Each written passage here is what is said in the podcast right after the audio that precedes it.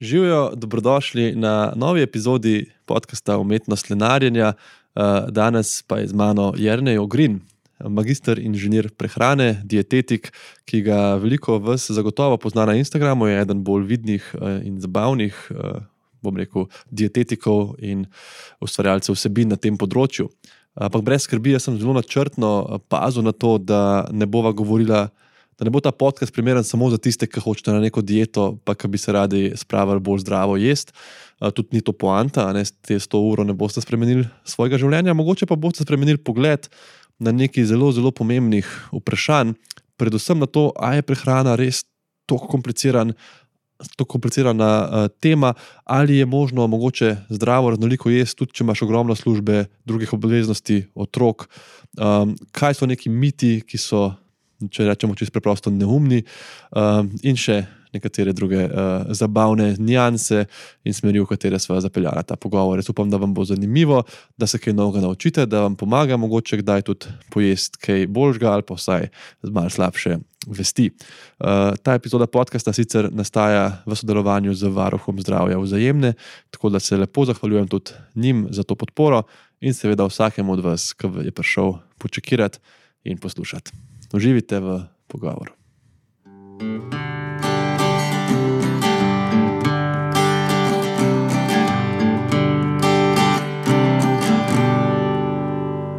Živerne, dobrodošel. Uh, tak čuden feeling imam. Prvič se vidim, ampak imam občutek, da se zelo dobro poznava, ker te zelo rad spremljam tudi na Instagramu. Uh, več kot smo se pogovarjali, tako da hvala, da si si vzel čas za tale pogovor v živo. Hvala za povabilo. In ja, isto kot si rekel, uh, lih prej smo se s partnerko pogovarjali. Tako, kot da se poznamo, ampak danes se bosta prvič v živo spoznala. In ne vem, ali je to manj okvart ali bolj okvart, kot če, um, če bi se poznala že odprej, ampak ja. um, fino je sedeti tukaj. Uh, me veseli.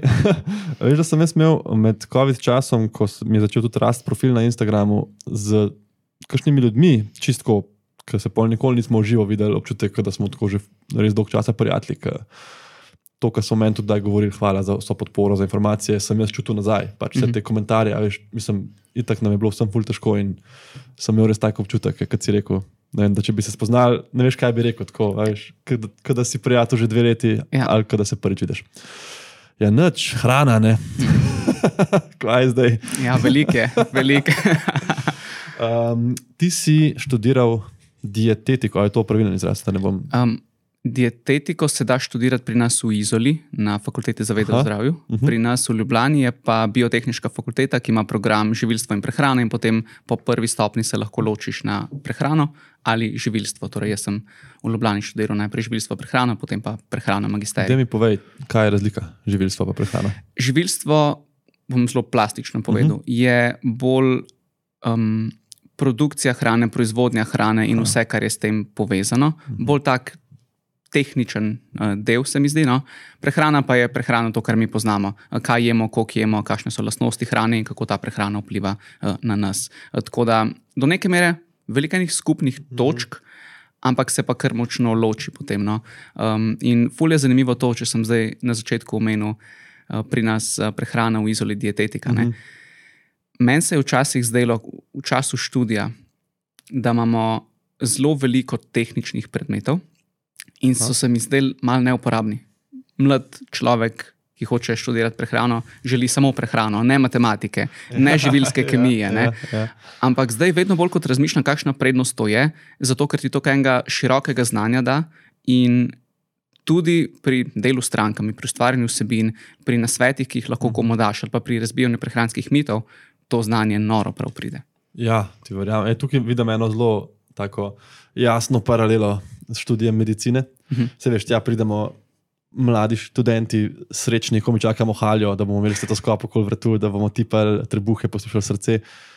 In ti pol vrže v urnik uh, dve leti, ne tako dva semestra, dve leti, kemija, filozofija, filozofija bi lahko bila tudi kemija, uh, biologija, fizika in to. Um, jaz, ki sem bil v prvem letniku, sem bil drugač zelo navdušen nad temi predmeti nekaj časa in vem, da sem enemu starejšemu kolegu rekel, ko sem se učil biologijo celice. Veš, to se meni zdi smiselno, ker se veš, vse bolezni, vse se začne v celici. Mhm. In mi je on rekel, da me bo posnel in mi to čez dve leti predvajal, kar ni naredil, ampak vidim poanto.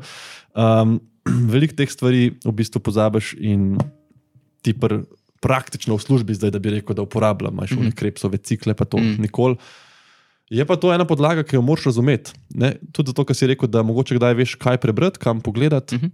In mislim, a veš, čudno je, da jaz govorim vem, o ledvični okvari, pa v bistvu ne vem, kako ledvice v resnici delujejo, Ja. ko so zdrave. ne, Ja, ja. Um, iz tega vidika.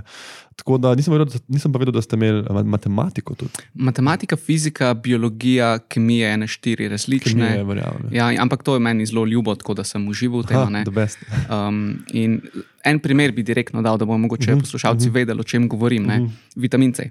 Ja? Greva kar direkt v prakso. Aha. Vitamin C, uh, ime njegovo je tudi askorbinska kislina ne, in uporablja se tudi kot konzervans. Zdaj, če na živilu v tabelci oziroma zadaj v sestavinah Mhm. piše uh, konzervans, askorbinska kislina, marsikomu se tukaj alarmi prškajo. Ojoj, to, pa, to so pa Neko EI, ja, ja. E300 je oznaka za to. Jaz pa tega ne bom zdaj jedel, ker zakaj bi jedel EE? ne? Bom raje eno pomarančo. ne? Ja, ampak če veš, da je to v bistvu Ja. isti vitamin C, kot se nahaja v pomaranči in ima tukaj vlogo konzervansa, to pomeni, da bo podaljšal obstojnost tega živila, si pa lahko fulmiren. In neko tako znanje pride res, res, res prav, pa prepreči oziroma zmanjša možnosti, da te kdo.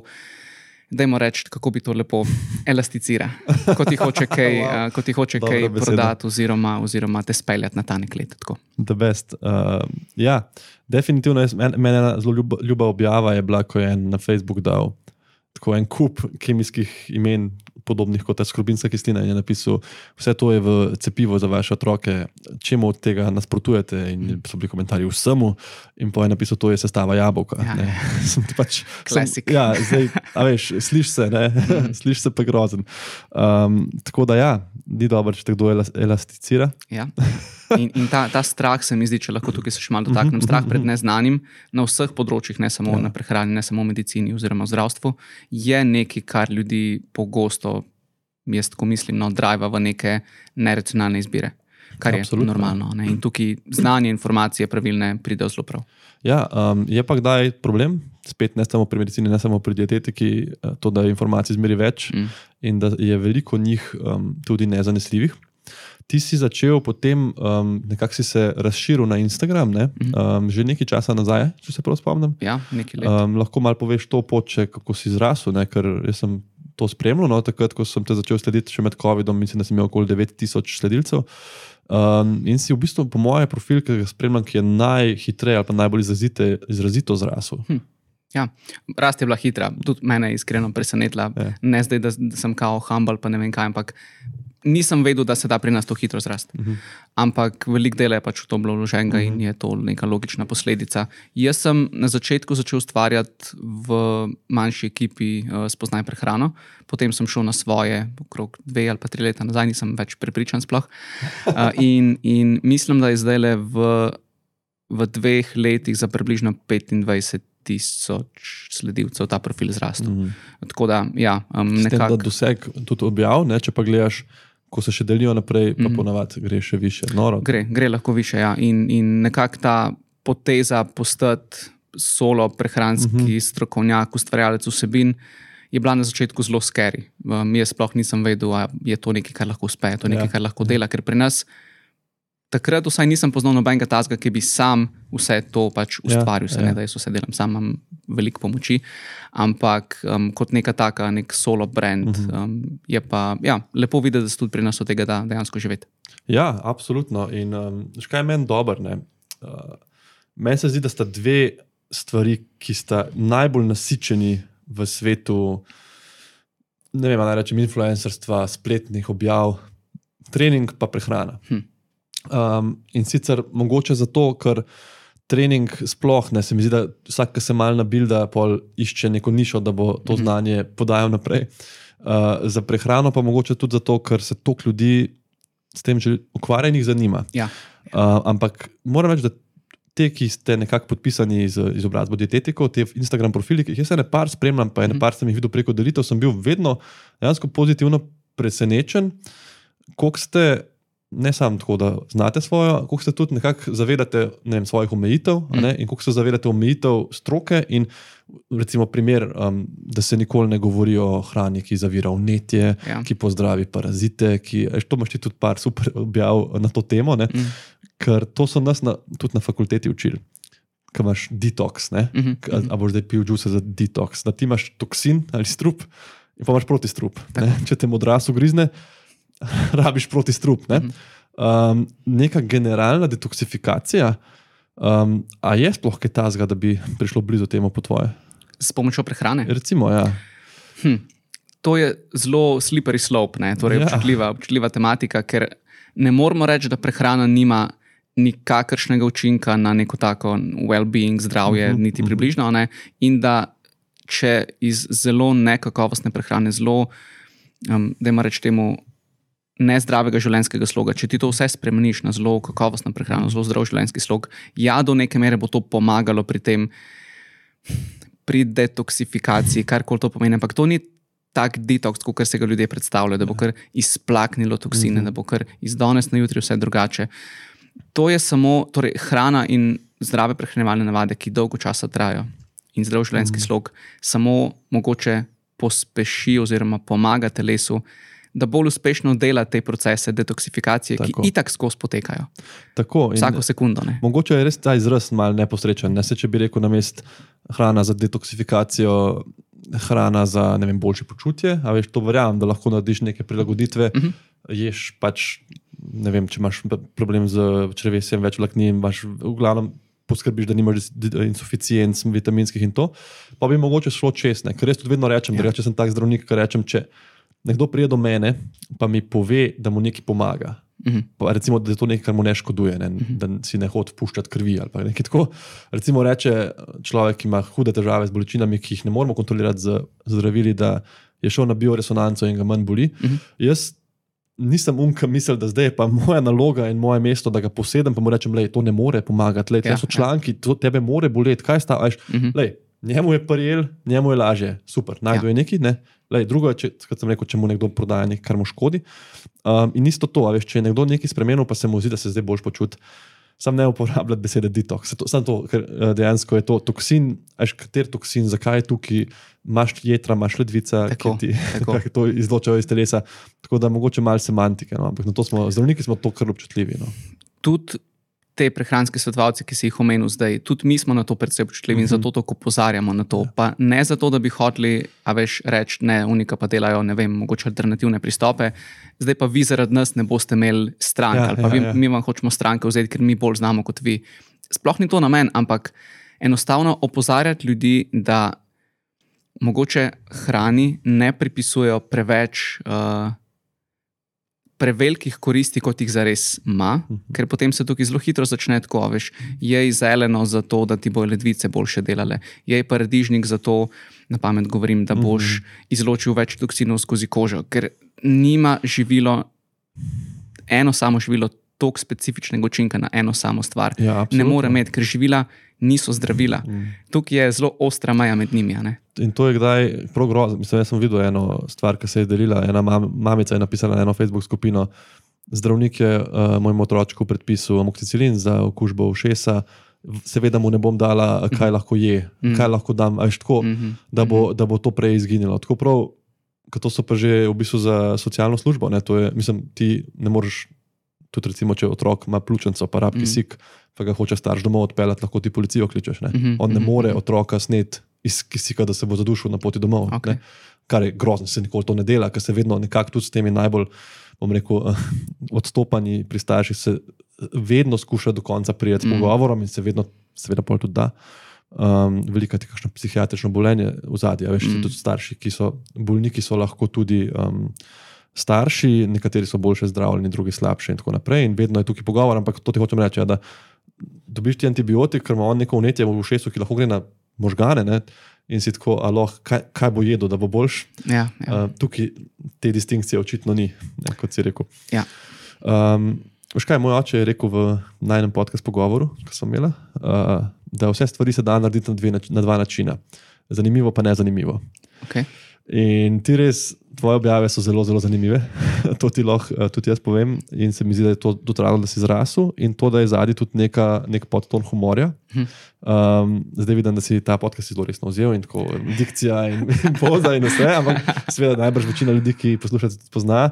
Um, pa povej malo o tem kreativnem procesu tvojem. Uh -huh. Ali ti tako na kauču si pišeš, pa tako ta jog bom dozraven. Pa... Včasih dejansko ja, pride tako. Ja, ja, in te vsebine so ponovadi najboljše. Uh -huh. Res, velikrat se je zgodilo, da sem imel skript za pet vsebin, ker ponovadi si napišem jih več naenkrat, posnamem, da imam potem mira. Ne? Sem jih posnel pet in se spomnim na nekaj, kar me je vprašala stranka en teden nazaj.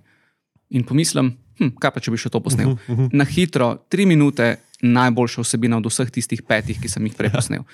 Tako da ta kreativni proces tukaj je treba nekako izkoristiti na polno. Ne. Zakaj sem se odločil na tak način komunicirati? Je pa mogoče lik zato, ker sem videl, kako so na fakulteti pristopili do predajanja informacij, ki se mi je zdel, oprosti, biotehnička fakulteta, ampak zelo nezanimiv, dolgočasen. In jaz, ko sem začel delati s strankami, sem takoj videl, ok, način, na katerega sem jaz informacije dobil.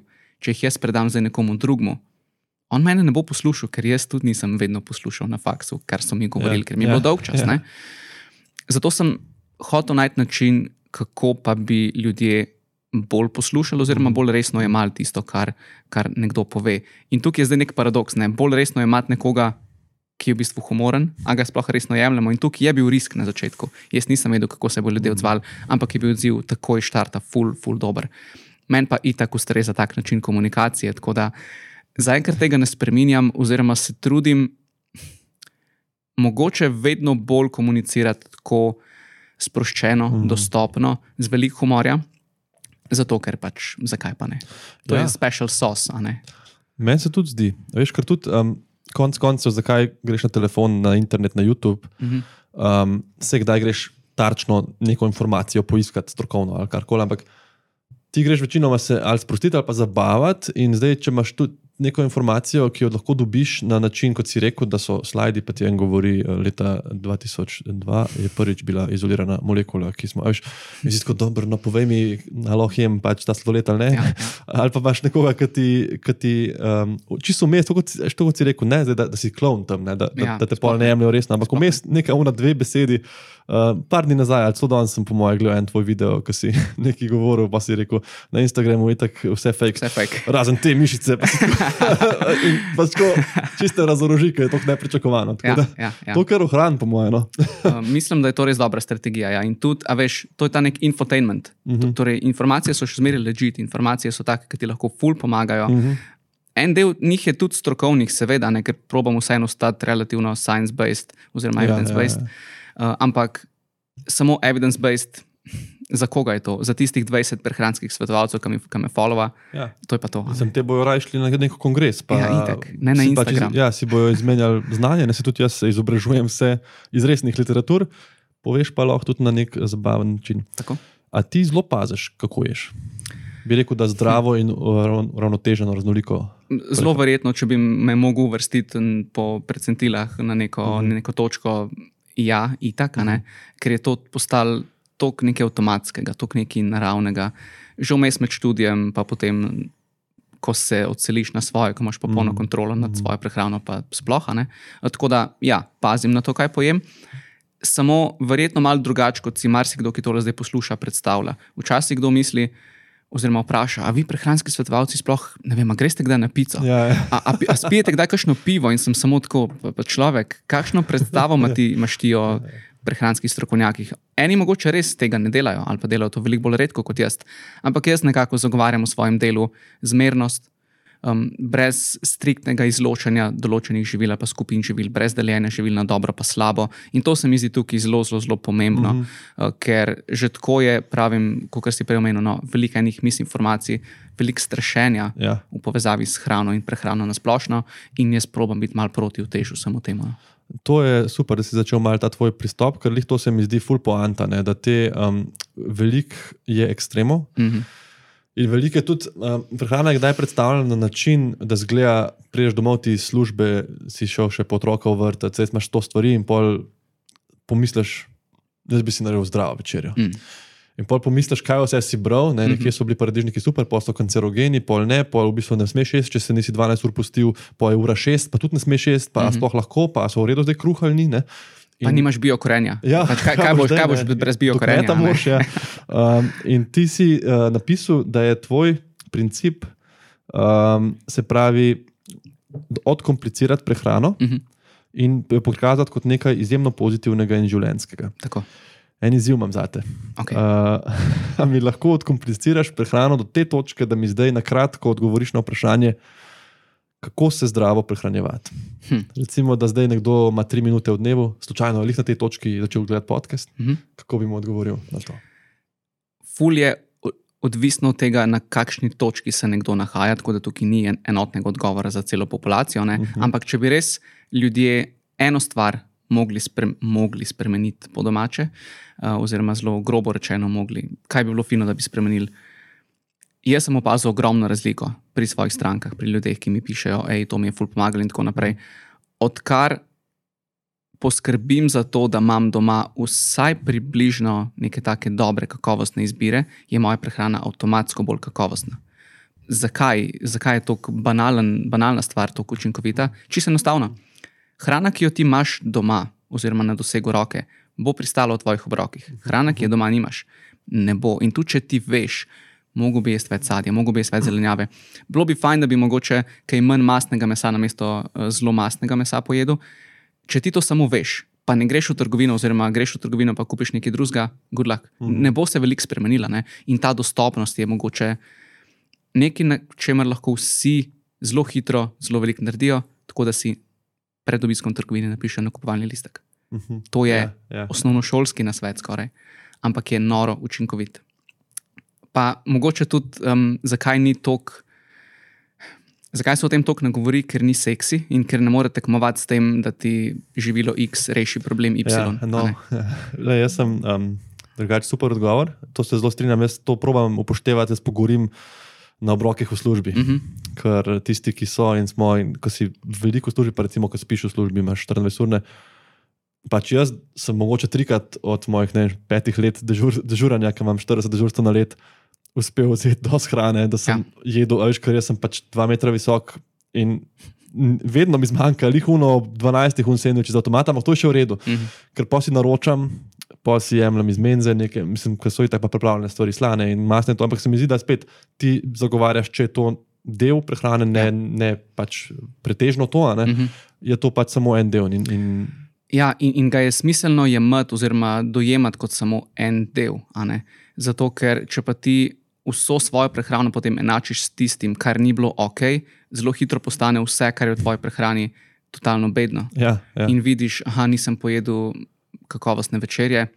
Mah, se tudi zajtrk, jutri ne bom, ker je tako vse padlo v vodo. Se bo enkrat. kmalu ponedeljek, se bo kmalu 1. januar, ja. Ja. ne, in potem se obrne deset To let. si in- dal en super primer. Enkrat si rekel, um, kaj če ti je ena, mislim, da vprašala, kaj če pojem za zajtrk, ne vem, tri šamrole, Ja. počinke, vse. Si rekel, lej, če, če ti poč uh, kolona, mislim, guma na avto, ne, ne greš ven, pa prilukneš še druge tri. ne. Ja. Tako da, če imaš tak zajtrk, um, ki ti dejansko nabije, ker kdaj kdo reče, veš, kako se jaz redim, jaz sploh ne jem tok. Mm. In ljudje ne vejo. Jaz to vem samo zato, ker sem en del uh, svojega življenja na fakulteti zelo treniral in sem si pač beležil makrote, okay. vsake hranil, da lahko ti z zajtrkom skoraj pokriješ svojo dnevno potrebo po energijah. Če se potrudiš, niti se ne treba potruditi. Ja, Ja. Ti se lahko pač naješ unih vaflov, spiješ čez pač še neko čokoladno mleko in Mhm. uh -huh. dejansko boš lačen čez tri ure, ampak Tako. energija si dobo, pa ni treba, da se naržiraš, da se zrediš. ne. Uh -huh, uh -huh, ja. In tukaj je res pogosto opažamo to. No, pa se mi zdi prehrana prav zelo specifičen,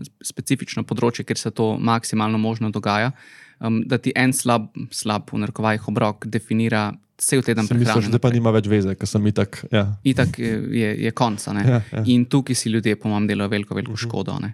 Um, sploh opažam, pri ženskah je to ful pogosto, so še malo bolj čustveno upete v ta cel proces, pogosto želijo telesno maso izgubiti, pogosteje se odločajo sploh za neke spremembe v prehrani, spremembe lifestyla kot moški.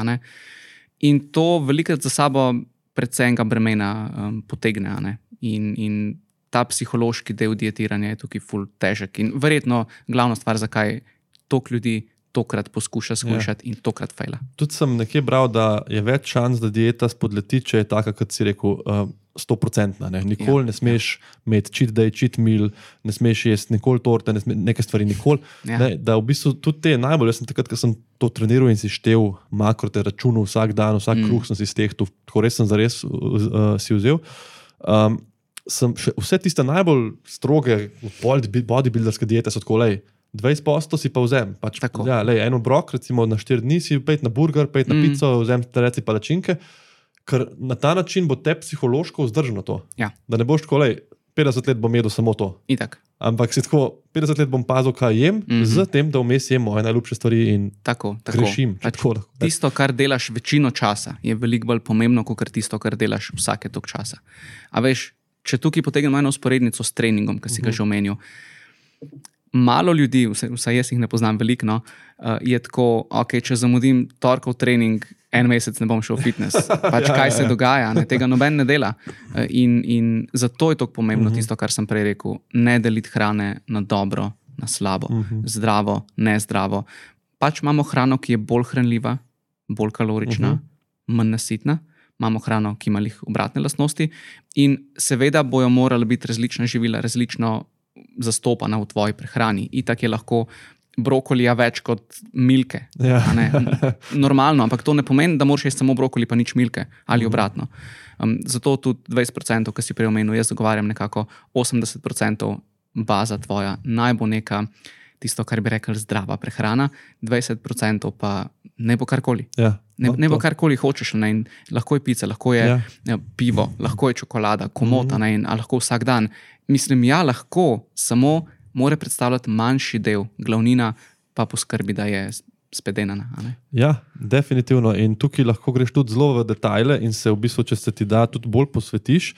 Um, ena stvar, ki je meni, takrat, ko sem se tem zelo ukvarjal, so bile te tabelice hranilnih vrednosti, mm. ki si tudi veliko o tem govoril, imaš tudi tečaj tabelicanja zdaj um, aktiven, ker tam ti nekakšna prehranska sestava ti pove, te glavna tri makrohranila, oziroma tri makrohranila, oglikove hidrate, beljakovine in maščobe. In vidiš, če veš, da so maščobe dvakrat toliko kalorične na gram kot beljakovine in oglikove hidrate, si lahko to prilagajaš. Tako. In jaz, recimo, takrat, ko sem res tako treniral, sem si recimo rekel, ok, danes večer grem s prijatelji na pivo uh mhm. -huh.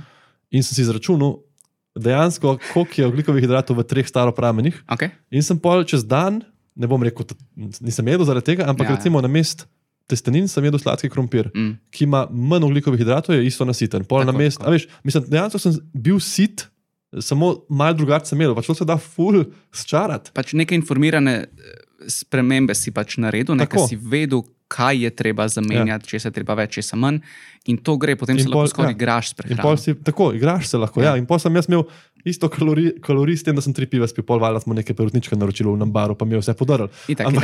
Kaj češ, ne se si zunaj, vse petek. Ja. Ampak sem bil pa cel car, ker sem si, veš, tako sem tudi dal počutil, ko sem šel pol ven. Uh -huh. um, tako da tisto je bilo, seveda, zdaj ne bi mogel toliko se po moje poglabljati, ker imam, pač takrat sem bil. Nisem končal s faksom, veš, čakal sem službo, imel sem čas si tehtati kruh in to. Nisem imel odgovornosti, veliko, no, verjetno, no, ampak zdaj ko sem to delal tri mesece, ja. imam toliko znanja, da recimo, ni treba, da stehtam, ampak si rečem, ne to, kot si rekel, ok, pršut ali piščanče prsa, mm -hmm. kaj mi bolj paše, po drugi strani, kaj bo več beljakovin na maso in tako. lahko samo oceniš uh, v glavi. No, ja. da, ja. Te tabelice se splača zihar.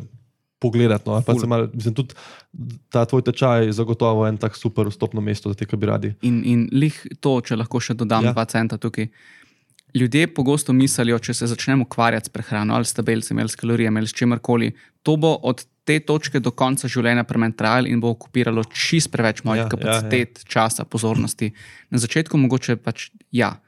Se je treba naučiti, vse, kar je novo, je malo težko, uh mhm. -huh. pa smotano, pa malo se ti ne da, ampak koliko pa koristi od tega dobiš, je pa do konca življenja neko znanje, ki ti ga noben ne more vzeti. Pa vse, kar v življenju v bistvu vadiš, rata lažje. Ne? Sej tudi, ko si vodil kolo, si se komi držal gor, zdaj pa pač jaz sundo razmišljam o sto stvareh, pa sem v službi, spoh ne vem, kdaj sem mm -hmm. pel. Mm -hmm. In to ti rata res, jaz samo obrnem in nič ne računam. Jaz samo pogledam na tabelo, vidim malo razmerja, pa to, kar ti vedno rečeš, zakaj to živilo vzamem. Mm -hmm. Če vzamem za gušt neko nutelo, nam tam, hm, a, to, a, a, a ja, pa še ja. za fitness, veš, valjda ne, ne vrši stran. Ampak če pa vzamem za fitness nek sir, pa gledam, koliko ima beljakovin. Mm -hmm. in, in, in to je tudi pol vedno važno. In lih to znanje je meni, kot si rekel, odkompliciralo prehrano. Mm. -hmm. Da ti lahko, to je bil meni blazen breakfast, lahko ti sit enako, pa si pojedel bistveno manj ali pa bistveno več, če Ja. bi rad zrasel, dobil kalorije. Samo na to, kar zbiraš za krožnik. Ja, res je. In znanje tukaj res pripelje, ful, ful, ful daleč. In spet, kaj ti da, manj pogosto se ti lahko zgodi, da nekdo izkoristi tvoje neznanje, kar je spet zelo koristno, ne? ker ni tako na vsakem koraku, tako kot prejš Instagram, ti nekdo želi Ja. nekaj prodati. Ja. In če lahko ti malenkost kritično to presodiš, ja, si, si lahko na boljšem. A, mogoče tle eno provokativno vprašanje. Um, Okej. Za kakšno je tvoje mnenje glede prehranskih dopolnil, pa ha. katera jemliš? Spomnil sem se zato, ker si zdaj to rekel in se mi zdi, da velikrat, ko nekdo govori o tem ali priporoča, ima agendo. Konča ja. z in kupite pri meni to. Mm. Tako da ta podcast ni uh, sponzoriran strani nobenih uh, teh firm in uh, rečva zdaj čisto iskreno. Kaj misliš o njih, pa kaj ti recimo je- ješ? Okay. Prehranska dopolnila, kot jih jaz vidim, so super. Uh -huh. Zakaj so super? Zato, ker sto let nazaj jih ni bilo in če je imel nekdo hudo pomankanje železa zaradi nekega zdravstvenega stanja, sorry, v, lahko piješ kri, lahko poješ ful govedine, ampak ne moramo ti pa ničesar drugega dati, tako da ja. Mogoče boš vsak dan trikrat skupaj do konca life. To letos v tem času ne bi bilo fino slišati, je samo mm. tako, pač gospod zdravnik, mi lahko predpišete Tako je. suplementa, ne, that's it. Tako da, ko gre za neko utemeljeno rabo prehranskega dopolnila, top shit, res top shit, in ena so zelo, zelo nepogrešljiva tudi za neko splošno zdravje. Um, jaz, recimo, kaj jaz konzumiram in kaj pogosto priporočam, v zimskih mesecih, pa v jesenskih, sploh vitamin D, uh -huh. to je nekaj nenadomestljivega s prehrano, tega pač ne moreš dobiti. Od lani ali predlani je za eh, DSO, za starostnike na recept. To, Ja. so, to so dosegli. In fani story, če te sam za to prekinem, glede vitamina D, glede na dokaze, bi lahko zagovarjali, da je na recept za vse odrasle mm -hmm. ljudi, Ja, uh, ampak pač to ni strošek, ki ga lahko pokrije za ZZS. ja. Zato ni. Ja, Tako da ja. vitamin D, za tiste, ki ima- so veliko not, Uh -huh. Tudi ni treba, da živiš pod zemljo. Pač tam, da si v Ja. službi 8 ur. Ja. Pa po zimi, jesen, to, kot si rekel, Za celotno populacijo, absolutno. kar ja, generalno skoraj za gledano. celotno populacijo. Imamo izjeme, ja, Ja, seveda, a ne, vedno, ampak, ampak um, nekako redke. Varno, V resnici, ja. varno bi pa lahko rekli, da za veliko, veliko večino ljudi vitamin D. Zakaj ga ne mogoče s uh, hrano vnesti dovolj? Recimo, da še eno zanimivost uh Mhm. -huh. povem. Tam med 200 in 400 gramov lososa bi lahko pojedel vsak dan, če bi želel pokriti dnevne potrebe. Pa nisem vedel, vidiš. Jaz sem mislil, da če dvakrat, do- redko jem ribe, ampak če jih dvakrat, trikrat na teden si polka reče, mogoče ta teden ne rabim vzeti. Ja, 400 gramov na dan. na dan, na Ja, dan. ja. Pa, pa ne kjerkoli riprov lososa, ker losos je fulmasten in ima potem veliko vitamina D, ker je v maščobi topen. ne. Um, zdaj, to je problem iz dveh razlogov. Prvič, ljudje niti vsi ne jejo lososa, drugič, to je ful drago. Ja, ful drago, ja, A, a, a je res to nekako racionalno, ali lahko Ne. kupiš vitamin D, ki je, hvala Bogu, pocen, ne? Ja, za tri mesece nekih 10 evrov. Halo, ne, Ja. okay, mogoče 20, 30, kako koli, ampak pač ni. ni, ni, ni nekaj ekstra. Ja. Ja. Uh, tako da to je nekaj zelo pomembnega. Drugo, uh -huh. dopolnilo omega-3, Aha, podoben razlog, ljudje pač masnih rib ne jejo. Če pa upoštevamo, kakšne koristi vse omega-3 lahko imajo na telo, uh -huh. uh, torej gradijo zelo velik del možganov, recimo, ne, plus kardiovaskularno zdravje, eh, lahko sploh ob manj optimalni prehrani, ful koristi za zadost visokim nosom omega-3, je to spet nekaj zelo, zelo dobrega. Je spet nek dodaten strošek, seveda, ampak koliko koristi od tega lahko imamo, je kar, eh, kar duobel, Ja. ja. se mi zdi. No. ja. Mm, Zdaj, ostale stvari. Mogoče bi tukaj izpostavil še beljakovine v prahu. Aha. To je prehransko dopolnilo, ampak jaz ga skoraj smatram kot živilo, Mhm, to je hrana, skoraj Ja, bistvu, ja. Um, je za tiste, ki imajo mogoče težavo z zadostnim vnosom beljakovin na koncu dneva, mm. daleč od tega, da je to obvezno, ampak lahko pa olajša, olajša zadostno vnosa. Ne? Ker tukaj beljakovinsko bogata živila so nekaj zelo zanimivega. Uh -huh. Nimamo jih veliko. Oziroma, če je nekdo vse jed, ima precej visok izbor. Imamo meso, mesne izdelke, ribe, jajca, stročnice, mlečne izdelke, to so glavni viri. Potem pa nekdo reče, jaz sem pa zdaj vegetarijanc, takoj ti odpade celotno meso. Potem nekdo reče, jaz pa tudi ribne jem, odpade še ribe. Če si vegan, imaš v bistvu samo stročnice na voljo. ja. Tukaj je pa zdaj uh, visok ja. vnos beljakovin, kar, kar težek.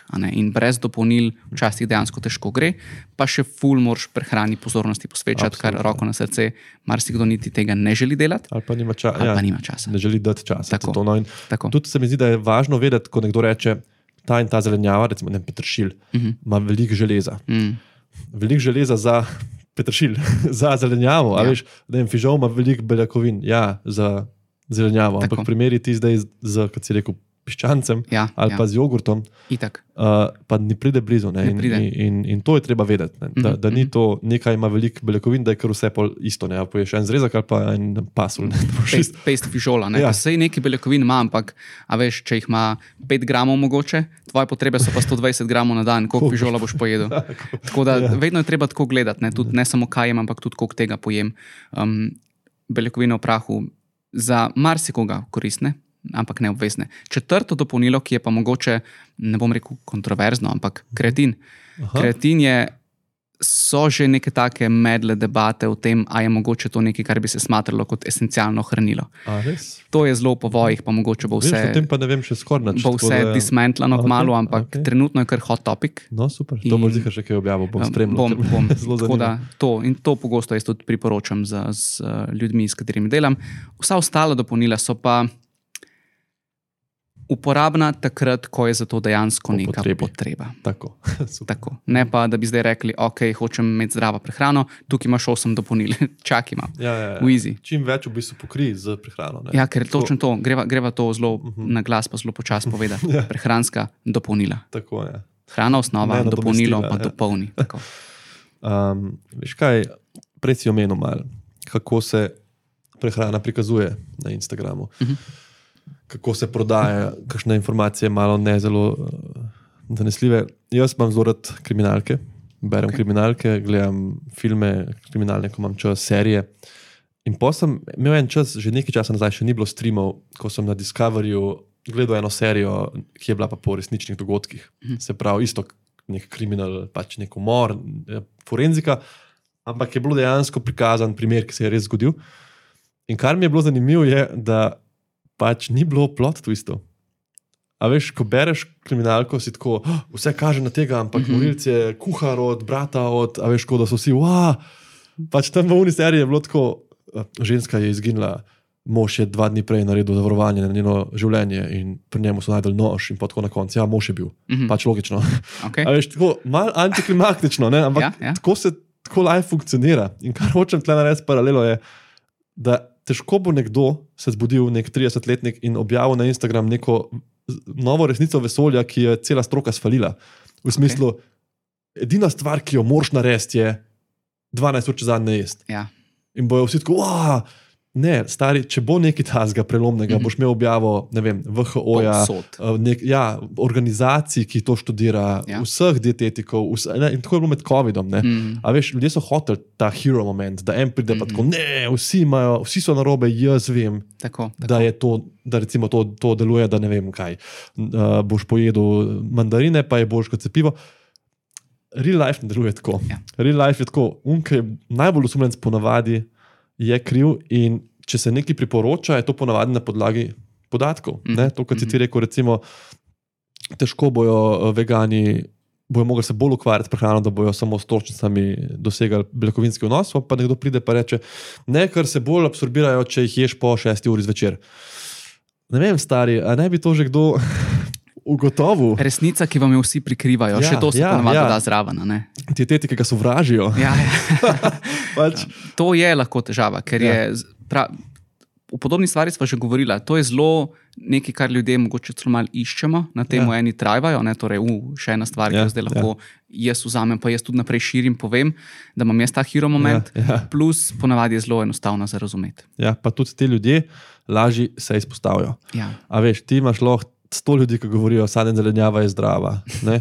Pa pa en rekel, a veste, da paradižnik ubija. Bojo vsi tako, uh, Ja, ja, čak, uh. let, check him out, ne, kaj on je povedal. Ne, in kot si rekel, rast je v resnici težko. Mm. Ne, če vprašaš, baje, če vprašaš učence osnovne šole, kaj bi bili, ko so veliki, rečejo večinoma influencer. Oh, wow. Um, mislim, a veš, can you blame them? Vr- vroč A, veš, poklic. a, a boš ti objavil stvari in dobil lajke in bojo pisali spodaj, Ja. super si, hvala, ali boš pač šel ob sedmih na šiht za 9 ur. Ne? In to je to, ne? kako boš zdaj zrasel, kako se boš izpostavil, če boš ponavljal stvari, ki so znane. Mm. -hmm. Tvoj primer je bil meni pač zelo jasne informacije, pa humor. To je en način, kako lahko zraseš. Mhm. Drug je pa to, ne? resnica, ki vam je ne želijo povedati. Ja. Um, čeprav tukaj se mi zdi, da prej se upečeš. Verjetno. Niti ne vem, koliko je pri nas to, da se lahko pečeš, ampak mislim, da se da na neki način ukrepati, da se take misinformacije izpostavi, lahko tudi prijavi v končni fazi, če Ja. gre za res hudo stvar. In mislim, da to se prakticira, ampak ne vem, koliko, kakšen učinek pa to ima, iskreno. Da, veš, kaj mi povej to, kar si rekel, prijavi. Pa, mis, a, a se je kdaj govoril kaj o tem, ali pa je kdo opozarjal, ali pa se je kaj razmišljal o večji regulaciji embalaž? A je sploh kakšen, najbrž je, so kakšna, ne vem, zakon, kaj lahko daš na embalažo, mm -hmm. kaj ne? Ja, zakoni so. Jaz, ful, nisem ekspert na tem področju, poz- zelo po površini to poznam. Vem, da se je pri nas, pa na celi EU, se mi zdi, spremljalo neke regulative, kdaj se lahko na TV kanalih recimo oglašuje otrokom eh, hrano in pijačo. Aha, Te razne aha, snekiče, okej. pijače, sladke in tako naprej. Eh, Torej, v tistih špicah v dnevu tega načeloma ne sme biti, Aha. oziroma je fully omejeno. Tako da Okej. tukaj se dela.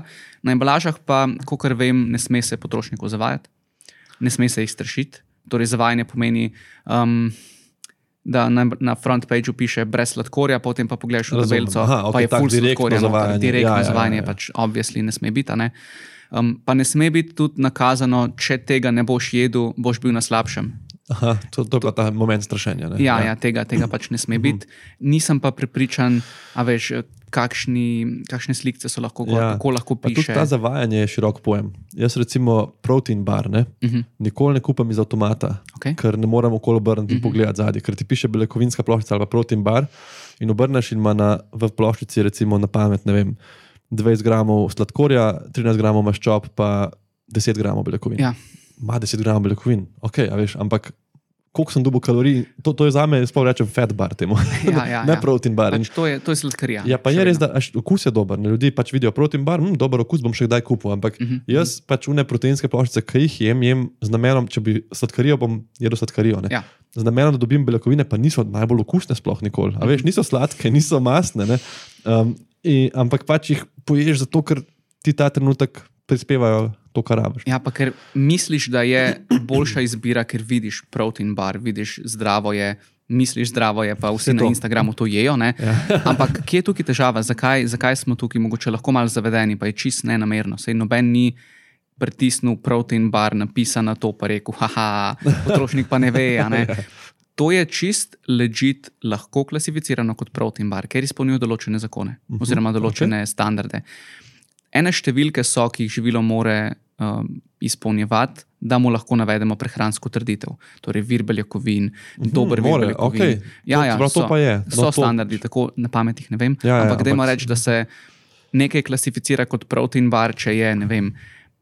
9 gramov beljakovin na 100 gramov tega Ja, ja, živila, in okej. da ima podobo čokoladke, in da je ne vem, še neke druge zahteve, da, da pač izpolnjuje, ne, je lahko imenovano protein bar. Ampak na trgu to bo avtomatsko pomenilo, da bo od dokaj neugodnih izdelkov, torej po sestavi, do enih poprečnih, do enih zelo dobrih.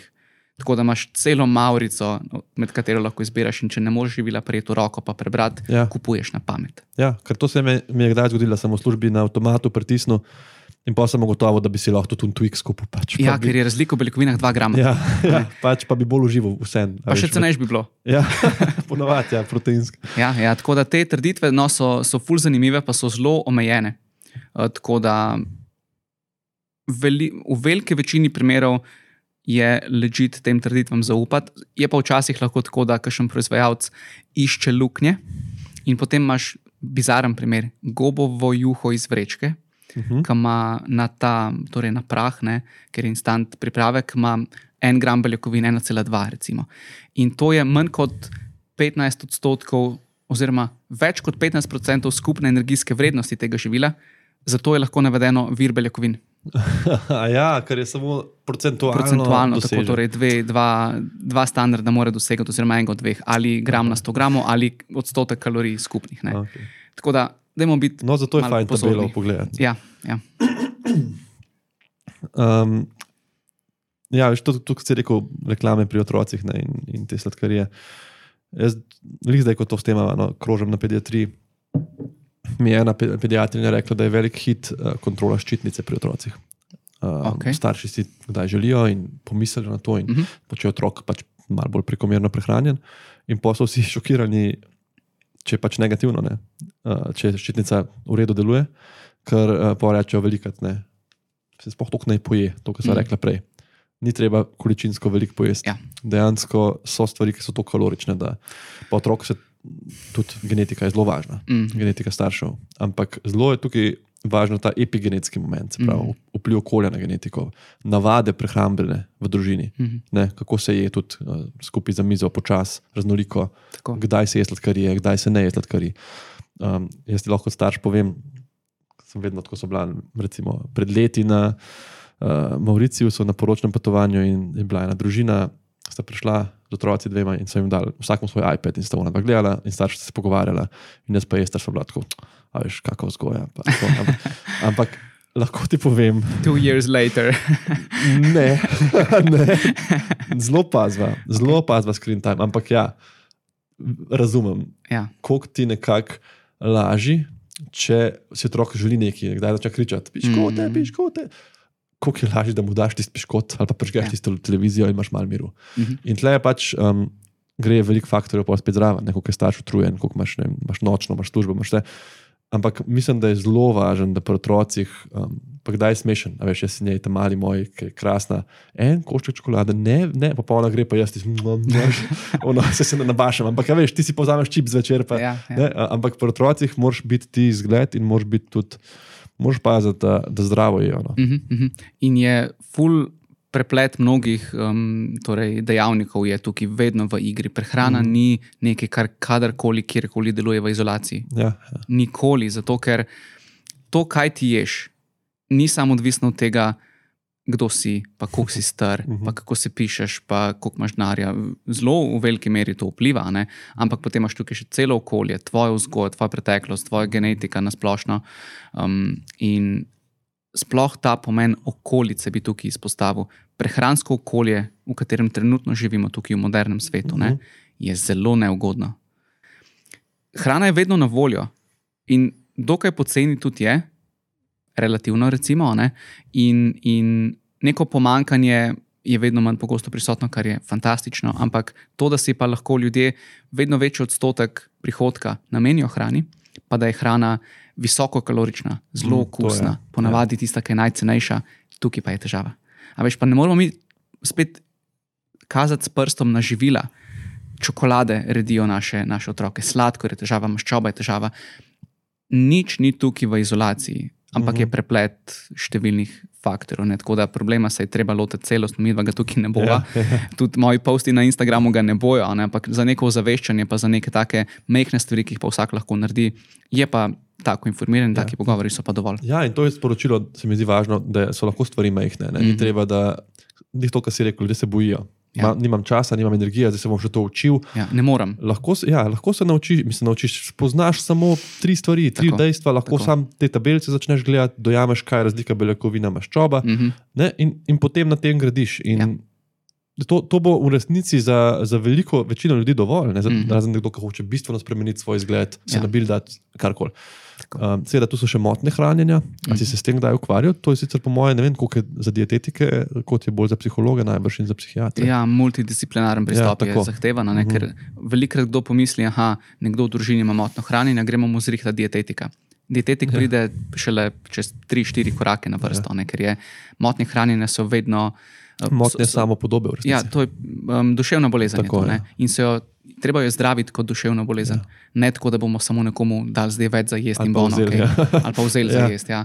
Ni, ni um, to pristop. Jaz Mhm. mm -hmm. se iskreno z njimi, torej poklicno, nisem ukvarjal, ker za to nisem usposobljen. Uh -huh. Sem pa imel veliko prošen za pomoč, lih zato, ker, I guess, način komuniciranja, ker je zelo niansiran in ker je Mhm. brez nekega strašenja in tako naprej, tako. pa ker opozarjam na pomembnost odnosa do hrane, je privlačen za osebe, ki za motnjami hranjenja tr- trpijo. Eh, Ampak tam jih pač pošljem potem naprej, ker Mhm. jaz se ne čutim um, sposobnega za to. Tudi to, kar si rekel, je važno. To, to so, kot pravim, motne samo podobe. To ni, da nekoga rabiš, ki bo zdaj spet delal jedilnik Ja. ja. in pa bo nekdo, recimo, za anoreksijo začel zelo veliko jesti. Ker ta človek, ko se pogleda v ogledalo, si vidi, da je debel. Mm. De, dejansko in, in pač ljudje poznajo anoreksijo, poznajo bulimijo. Um, ena notna hranjenja, ki je meni zanimiva, pa ni tako znana, je bigoreksija. Mhm. Um, podobno kot se recimo ta punca, ki je zelo suha, vidi kot debelo, se kakšen bodybuilder vidi kot zelo majhnega. Ja, in je čisto obratno. ne. Ja, in ja. je bil bigoreksija, ta obsedenost z, z mišičastim telesom, vedno sem premajhen, vedno mm. -hmm. več. Mhm. Tle pridejo zraven steroidi, tle pridejo zraven droge dejansko. lahko, ja. Um, tako da, ja, multidisciplinaren pristop in velika traja, v bistvu zelo dolg, ne, da lahko traja dolg, vse različni bolniki. Lahko no. traja pa tudi zavedno. Ja, In ja, eh, eni strokovnjaki imajo tak pogled, pa mislim, da je to že dokaj konsens, ampak tukaj me vzemo to s ščepcem soli, da se motnje hranjenja, ki so se res razvile tako v tisti full-blown mm. -hmm. motno hranjenja, se nikoli ne pozdravijo, mm -hmm. ampak se samo zazdravijo. In lahko vedno so neke posledice, neki zametki v podzavesti ostajajo, ki te lahko ob neki manj ugodni situaciji spet porinejo nazaj. odnos se mi zdi, odnos do, te, do hrane, recimo v tem primeru, ne, ali pa um, v primeru, recimo moj primer. Ne, jaz sem imel težave s spanjem in mm Mhm. -hmm. sem imel zelo neprijeten odnos do spanja. Jaz sem šel Mhm. domov, ko se je začel temniti, sem postal živčen. ker Okej. Sem, Ker bo treba spati. ne? ja, meni je bilo to, da bi ti rekel, zdaj boš šel v ring, se boksati z nekom. A veš, pred, pred tekmo si živčen. Wow. Namesto da bi se umiril, kar se ljudje zvečer, sem se jaz uh, stresiral. In pa sem z leti in uh, z meditacijo in tudi vsem, kar opisujem v tej svoji drugi knjigi, z- tega rešil. Ampak še zdaj pa recimo, ne vem, bil sem na nekem, čisto kot primer, počitnice, uh, sem na nekem, uh, bili smo na, nekje v naravi, štori, žur, res slušno, imel sem dopust, še en mesec. Ampak pa sem šel spat in glasba se je slišala do šotora. Ne? Dobro, pač whatever, jaz tam ležim. In pa, ko so ugasnili glasbo, sem, se mi je sprožil ta star odziv, koliko je pa zdaj že ura, ali bom Mm. jaz sploh zaspal, vsi že spijo. Pa, eš, kar, in pa sem se opazil, sem se, sem si rekel, pismo teh občutkov nisem imel že. Sam to, kar jaz zdaj v resnici zelo pazim na svoj način spanja, rad na službi, ki sem dežuren, ne, ampak kdaj spati, da je temno, da je tiho. In Mhm. tam, ko so me vzeli ven iz tega, ne, A veš, mi je sprožil te stare miselne procese in sem se počutil, da sem star spet 19 in da ne vem, kaj bom s svojim življenjem. Mhm. In tukaj podobno, recimo nekdo, ki je nehal piti, alkoholik in pride pa je uno, veš, da je stari, da je eno pivo. Njemu to Ja. lahko obrne v trenutku, ne, Mhm, mislim, da f- zelo nevarno, to, kot si rekel, zazdravljeno. Ja, ja. In tukaj je fulj zanimivo, ker včasih koga zanima, kaj pa zdaj motnje hranjenja povzroča. a Veš, a je to pritisk iz okolice, a so mediji, a so socialni mediji, a so starši mogoče naredili to.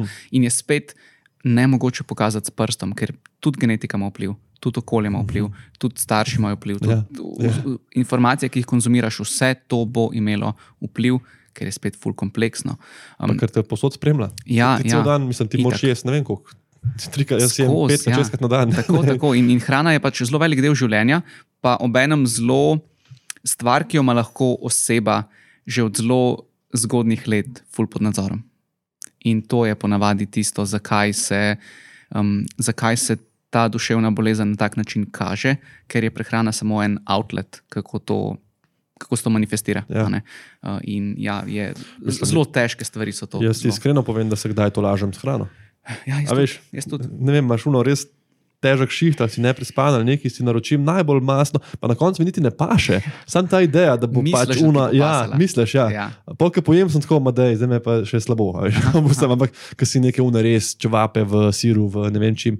Um, Tak moj tipičen primer so odprti kalamari s pomfrijem in Mm, tatarsko. Ne, čutim vse, te, vse, vse na kup. Ampak polk to pojem, sem pa tako. Pač lahko bi pojedel nekaj, pa se dobro počutil. Ali pa bi lahko samo pol tega Ali pojedel? pa pač ja, na mestu pomfrija zraven, Ja. kruh, nekaj, da ni vse odsvrto. Ker Tako. meni je to dobro, mi je, ko jem, ampak mi je Mhm. preveč, mi je. Mhm. dejansko mi je slabo. Um, tako da ena stvar, ki mislim, da je dobro povedati, pa se boš najbrž strinjal, je, da res ni dobro pri otrocih pogojevati nagraje, nagrajevanja s hrano. Ja, se Ne, strinjam. bil Ja. si priden čokolado, Tako. če boš pospravil sobo čokolado. To že vzgaja zelo zgodaj, mm. ta odnos, hrana je good or bad. Ja. Hrana je priden, sem nisem. Ne? Tako, tako hrano si zaslužim, Tako je. če nekaj dobrega naredim. Nis, to, to je malo tako grobo rečeno, ampak zasluži si priboljšek pes, ko naredi preval. a veš. Gremo, gremo, to je v mislih, ko se ukvarjamo s temi stvarmi. a ne. dober point, ja. Um, ker to lahko pri otroku res zelo zgodaj neke vzorce vzpostavi, ne, in iz tukaj lahko veliko enih težav delno izvira, ne, ne samo to, ampak lahko pa ful pogosto prispeva. In velikrat, ko se pogovarjam s strankami, jaz velikrat delam, večino delam z ljudmi, ki želijo telesno maso izgubiti, je tudi to ena od stvari, ki jo veliko krat omenijo. Čokolado smo imeli samo takrat, ko smo bili pridni, ob posebnih priložnostih, ali pa ne vem, mami jo je nam skrivala, njo smo pa potem videli, kaj je vsak petek to ful jedla, ali pa bila vsak teden na dieti. Ja. Ja. Pa ne moramo mame tukaj kriviti. Ona je takrat delala, kar je pač znala najboljša. Ne? Sam da se um, lahko mi zdaj zavedamo, da ne delamo isto. Exactly. Točno tako. Um, en izziv. A lahko nekdo, ki dela recimo 70 ur na tedne, nočne, vikende, um, izmensko dela, mogoče tri izmensko, dopoledne, popoldne, noč, a lahko on je uravnoteženo, dobro prehrano, pa mogoče pod vprašanje, se lahko nek dober spedelen obrok naroči prek ne, Volta, Globota in teh aplikacij. To je kar relevantno vprašanje, zelo, tako da si bova kar čas vzela. Dobro. Pozarjam. ne, um, to je, ko se sprašujemo tako vprašanje, recimo, da je to zdaj primer 70 ur dela, tri zmene, vse, Ja. vse narobe v narekovajih, ja. oziroma full obremenjenost. Um, da se jesti uravnoteženo, da se jesti relativno ok, da se biti zdrav, ne? Ampak mogoče je baseline od te osebe, oziroma nivo, ki ga lahko doseže s trenutnimi pogoji, veliko nižji, kot ga lahko dosežem, recimo jaz, ki delam doma. Delam manj kot 70 ur na teden in si lahko grem kadarkoli, kjerkoli minuto skuhati čisto ok kosilo, točno tako, kot ga jaz hočem. Uh -huh. Unfair je to, totalno nepravično. So, morajo biti drugačne. Ne? Morajo biti drugačna in to je ful težko sprejeti. A veš, ker spremljaš pa socialne medije, kjer imajo vsi fitness trenerji, influencerji, perfektne zajtrke, Ja, perfektne večerje, perfektna kosila. Pa še ful dobro izgledajo. Valjda, če človek v fitnessu živi, N- normalno. a Ne? In moramo se zavedati tega, da nimamo vsi enakih pogojev. To je ful težko sprejeti, samo je nujno, ker drugače se pa samo sekiraš in obremenjuješ, zakaj pa jaz ne morem imeti tako kot on.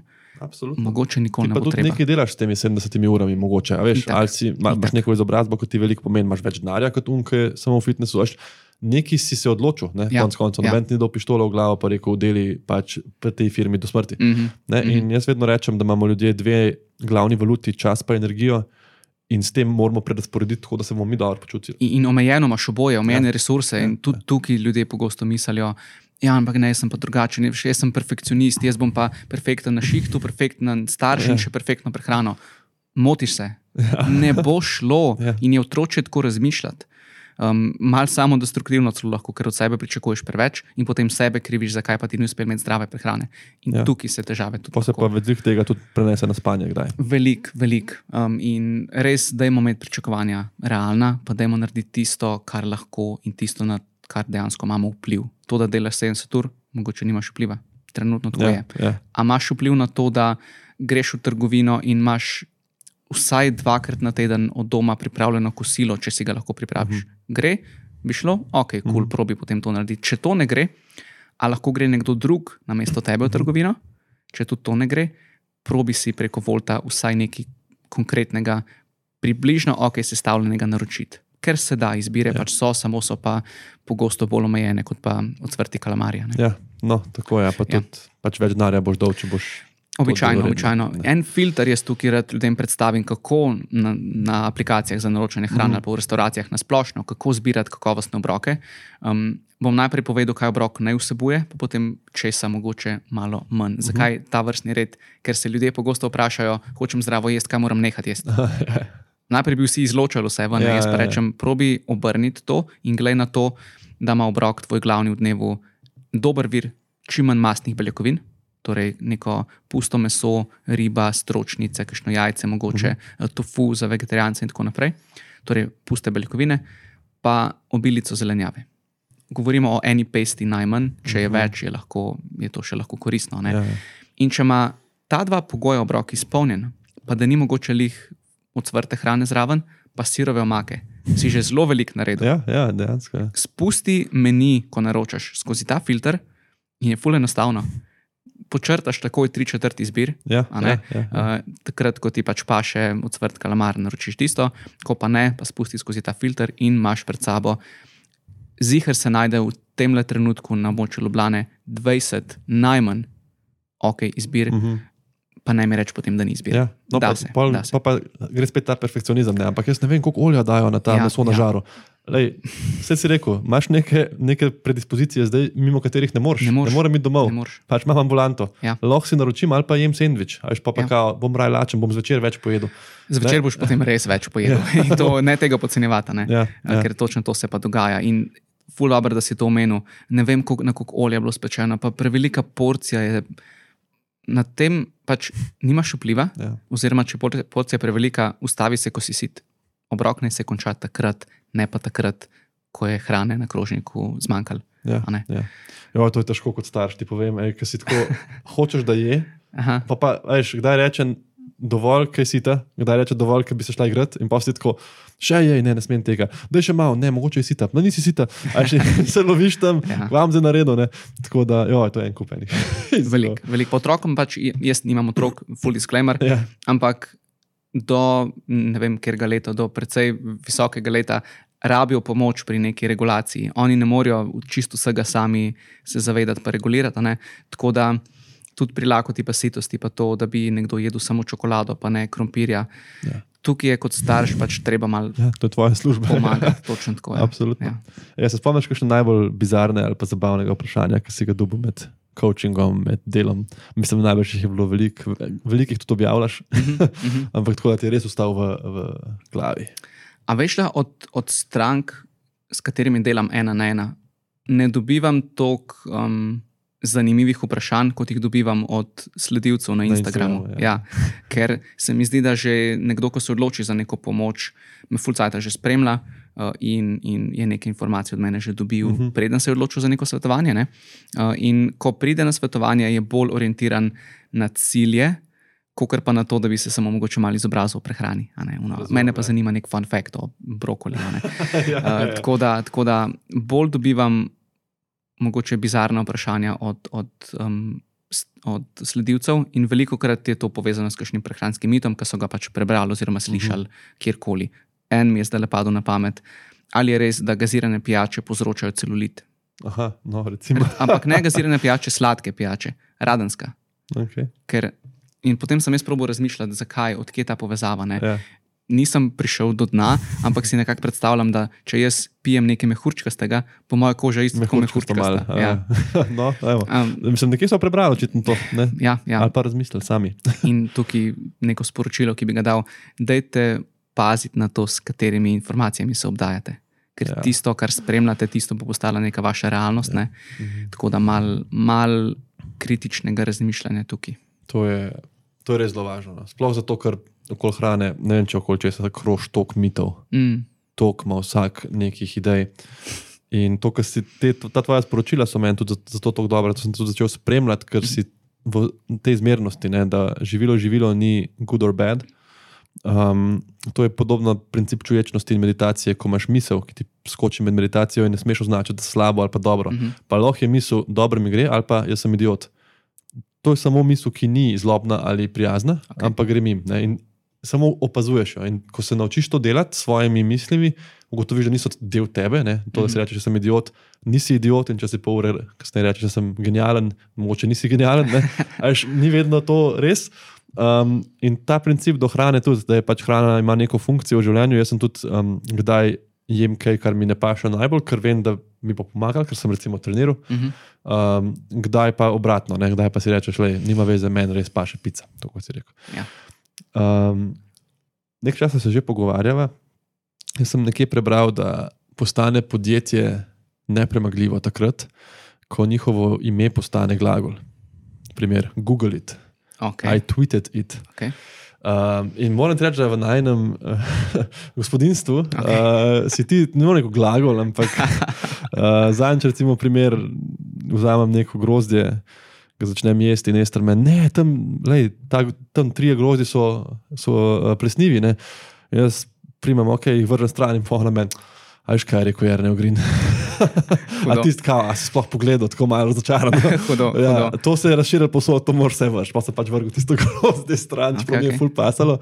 Um, tako da ti moram reči, da sem res uh, nadaljuj, no, tako imaš tak topel in prist, um, approachable, znam slovensko povedati. Princip dela, um, predvsem to, mogoče, kar si rekel, ne strašiš. Ja, to, to mi veliko pomeni, iskreno. Ja, verjamem. em, glede na to, koliko enega truda, časa, dela, life se v to vloži, a ne, Mhm, je dobro to slišati in da dejansko te besede imajo vpliv. Super. Ja, imajo, imajo in tudi jaz kdaj pomislim, ko me tudi kdo kaj vpraša. Um, sem skojo, to je največ jer nekaj o tem objavil. ne vem. Recimo, jo, to imamo, mi imamo velika ta vprašanja o kandidi v črevesu. Sploh ne vem, če bi začela s tem. Če- Ampak, veš, bolniki pač iščejo neke pojasnila za neka stanja, ki, za katera ti v resnici imaš neka pojasnila.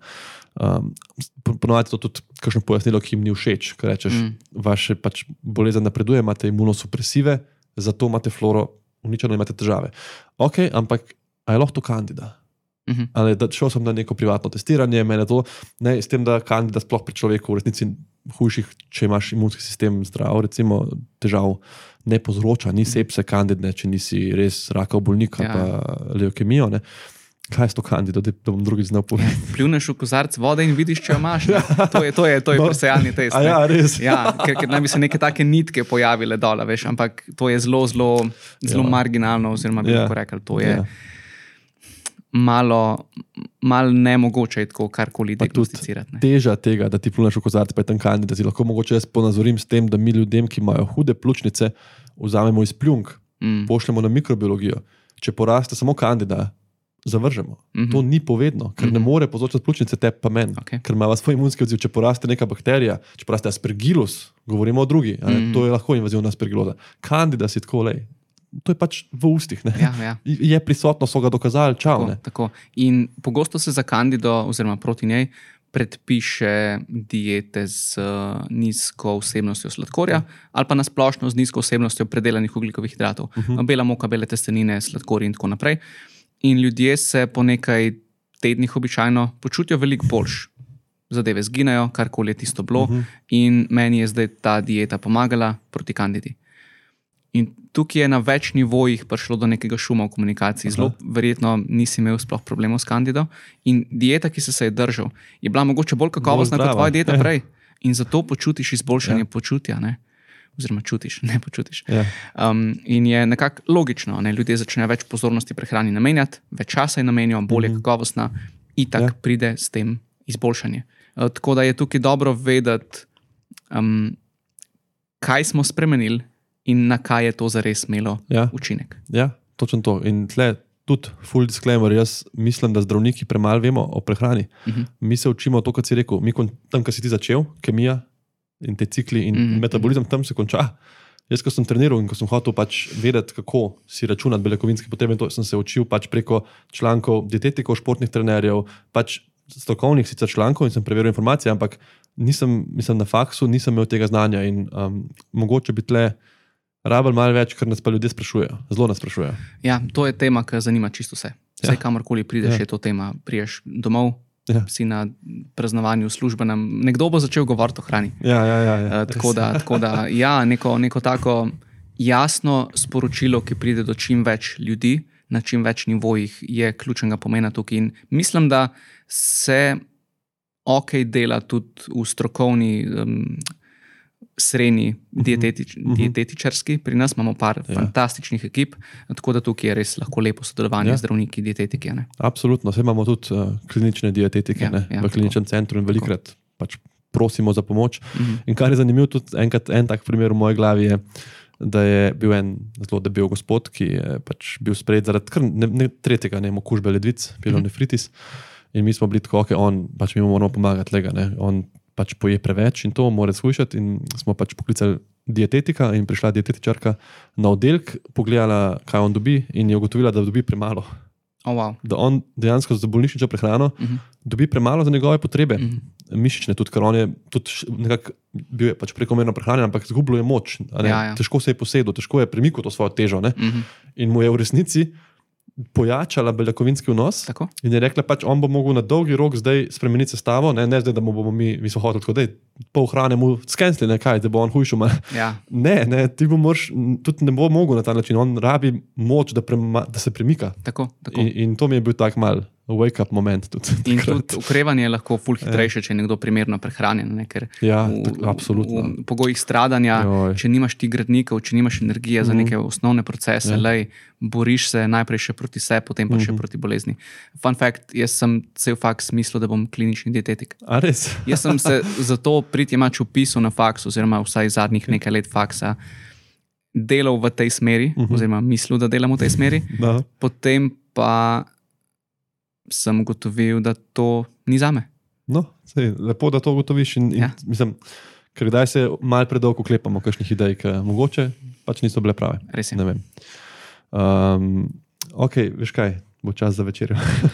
Zdaj sem že rad od vsega tega pogovora pripravljen, da si pripravim nekaj uh, zelo hranilnega. Mm. Uh, Dej povej mi, Jrnej, a si kakšno dobro knjigo prebral, ki bi jo priporočil uh, poslušalcem. Velikrat me vprašajo knjigo v povezavi s hrano, Aha, ja. oziroma s prehrano. Ja, Ja, ja. Da mi prehranske knjige, ker me ful prehrana zanima. In jaz tukaj mogoče mal, mal generalno odgovorim: 99% knjig o prehrani je garbič. Okay, Mi je zelo žal za tako izbiro besed. besed. Ja, Okay. Mogoče 95, ampak vseeno. Zelo, zelo, zelo veliko enih vprašljivih tematik se v knjigah obdela, in številne knjige so bile dejansko konkreten vir širjenja misinformacij Aha, o prehrani. Tako da probam tukaj ljudi distancirati, ampak če bi eno mogel priporočiti, eh, ki je meni zelo veliko tisto naredila in nekako velik del moje filozofije tudi povzema, uh Mhm. -huh. je is butter a carb. Torej, ali je maslo ugljikov hidrat. Oh, nice. Eh, Napisali ste jo dve dietetičarki in gre tako. Malo pojasnite osnove, uh Mhm. -huh. ugljikovih hidratov, beljakovine, zdrava prehrana in tako naprej, vse evidence-based, pa ful ni neke une pristranskosti Aha. noter, je tako veš. Nijansirano je, torej lahko, vem, visoko nos beljakovin je lahko ful koristen, ampak za Ja. osebe, ki imajo pa to, to, to, to, to Ja, ja, pa ja, mogoče ja. ni tako, da dajte se raje pogovoriti s zdravnikom v tem primeru. To bi priporočil. Trenutno pa berem nekaj čist neprehranskega, berem science fiction, uh, Three Body Problem Ne poznam. uh, od dobro. kitajskega avtorja. Aha. Uh, zelo, zelo, zelo nahajpana je na Aha. Redditu, res? TikToku, posodno. Tako da, Aha, tako da kar, pogledal, kar solidna zadeva. Eh, Tudi serija prije na Netflix 2024, ampak sem se jih včeraj naučil eno tako grenko podrobnost. Mhm. Um, v ustvarjanju serije sodelujeta tudi ustvarjalca zadnjih dveh sezon Game of Thrones, DD. A. No, moja sreča je, da itak ne bom imel časa gledati serije, mogoče bom pa prebral knjigo. Um, top. Ej, Jarnej, res ti hvala um, za ta pogovor. Meni je bil krasen. Upam, da bo ljudem tudi, verjamem, uporaben, čeprav ni čisto bila to poanta, jaz vseeno, veš, ni. Ni to podcast o prehrani, niti Mhm. ni poanta tega ene ure, da si vsi uredijo dieto. Um, ampak zagotovo so spoznali um, pač kakšne nove stvari in tudi jaz bom dal spodaj vse te linke, uh, valjda vabim vse na tvoj Instagram, ki je res zabaven in Hvala, krasen in, in, in tam imaš tudi vse, se mi zdi, ti pač svoje uh, tečaje in vse navedene, ne, če bi Tako. te kdo rad poiskal. Tako. Tako da, ja, Hvala tudi tebi za tole povabilo, bilo je super uh, in tudi jaz upam, da so poslušalci uživali. ja, to mislim, da, da definitivno jaz to malo nas vedno tempiram. Če je meni nekaj zelo zanimivo, kar malo sklepam, da bo tudi drugim, čeprav ni vedno tako. Uh, hvala tistim, ki ste ostali z nami, ki ste naj jo poslušali in se vidimo naslednjič. Imejte čudovit preostanek dneva.